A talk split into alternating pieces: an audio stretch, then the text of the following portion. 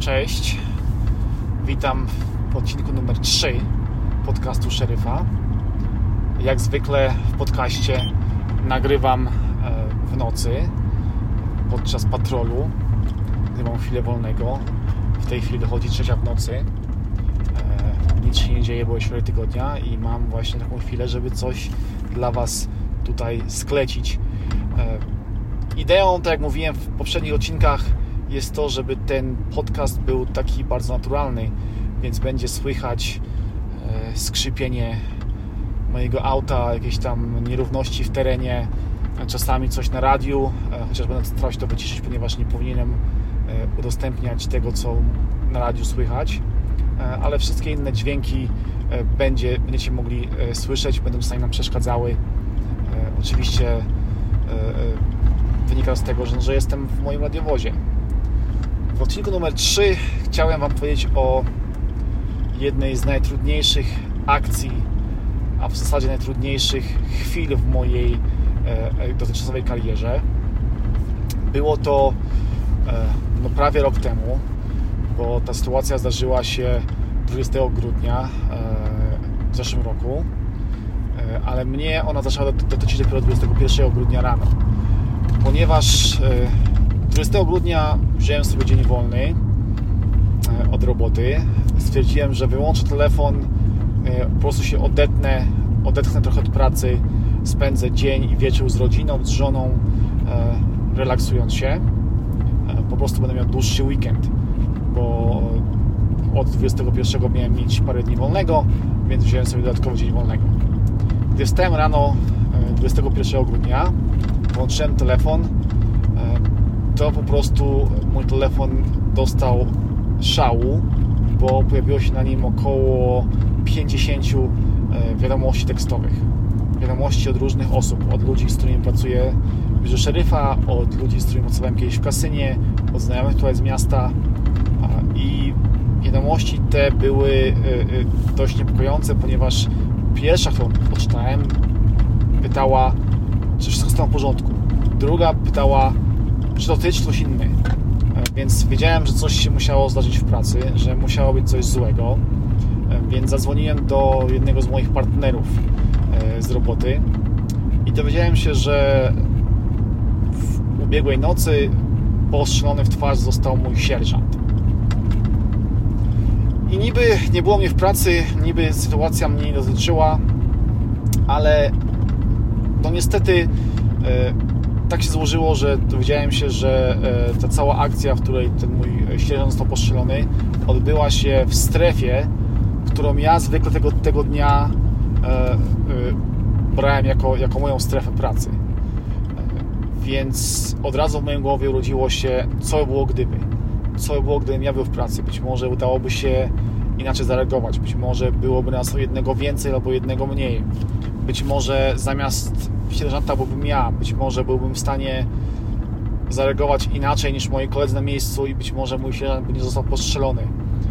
Taki trochę czułem się winny e, tego, że mój sierżant został postrzelony i bardzo było mi z tym źle, powiedzmy, e, psychicznie. E, oczywiście tego samego dnia od razu dostaliśmy wiadomość, że, że sierżant przeszedł operację, że żyje, że w sumie nie ma zagrożenia życia, e, że jest w stosunkowo dobrym stanie, że jest przytomny, e, więc nie jest z nim, z nim aż tak źle, jak mogłoby się wydawać po postrzale w twarz. E, od razu też został rzucone, zostało rzucone hasło, że trzeba jechać do tego szpitala i po prostu stać przy drzwiach jako ochrona, bo nie wiadomo, kto do szpitala może się dostać, kto tam może wejść, więc y, no warto, żeby ktoś tam był w mundurze z bronią e, na wszelki wypadek. Więc ja od razu zburzyłem się na ochotnika, na ochotnika tej, tej nocy, żeby jechać do, do szpitala.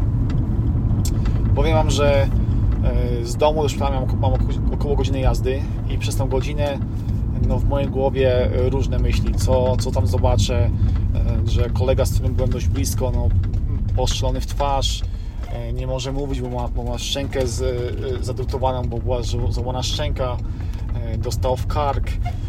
No, no naprawdę było mi, było mi dość ciężko tym bardziej, że cały czas myślałem, że, że, że trochę w tym mojej winy, że wziąłem dzień wolnego, że może nie powinienem, że nie było mnie na miejscu, gdy on mnie potrzebował. No i dojechałem do szpitala, przyszedłem do niego do pokoju i tam na miejscu dostałem taki widok. Jego żona z uśmiechem od ucha do ucha i on na łóżku siedzący, e, oczywiście z jakimiś tam rurkami wchodzącymi do jego twarzy i, z, nie, nie mogący mówić, ale z uśmiechem na twarzy i pokazującym mi wielki, wielkiego kciuka do góry, że jest ok. Od razu wziął do ręki e, e, tablicę taką, którą miał z markerem, żeby mógł się porozumiewać i napisał mi, że dzięki, że przyszedłeś stary, e, czuję się dobrze, e, wiesz, super, no nie, że, że spędzisz ze mną tutaj noc w szpitalu, e, jest wszystko ok, no nie? I ta chwila, ten moment, kiedy zobaczyłem ten jego uśmiech, kciuk w górze i ten napis na tej tablicy, że, że wszystko jest ok, że, że, że jest dobrze, że, że wszystko się skończy ok, że przeżyje, naprawdę mnie z serca spadł ogromny kamień.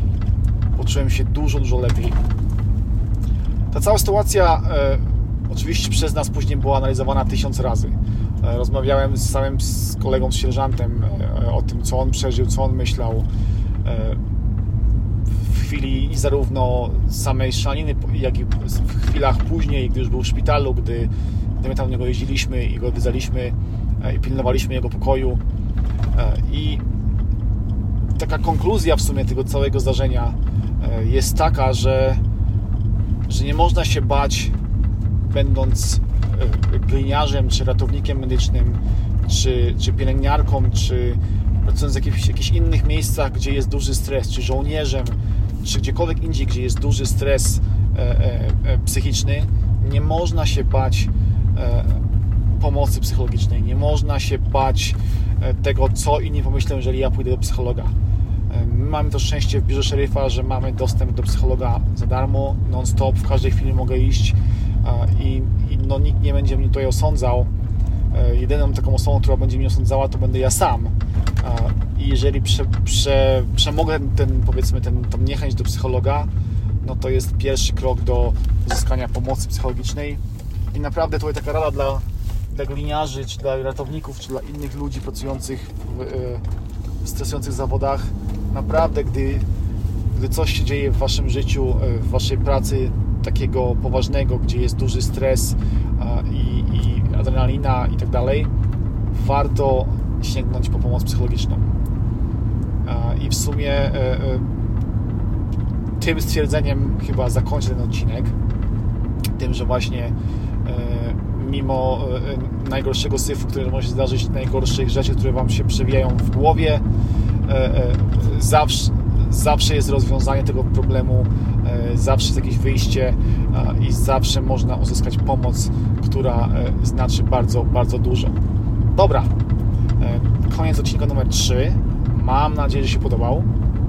Jak zwykle dajcie znać, czy było ok, czy dalej mam mimo mojego nieradiowego głosu kontynuować nagrywanie tych, e, tych vlogów, nie, nie vlogów, tych podcastów, bo to nie jest vlog, vlog to na YouTubie, tych podcastów, czy, czy to ma sens, czy Wam się taki przekaz podoba, e, taki nieobrobiony, nieokrzesany, prosto z radiowozu, e, nagrywany w środku nocy, w środku Nevady, gdy ja sobie tutaj jeżdżę i patroluję moją okolicę.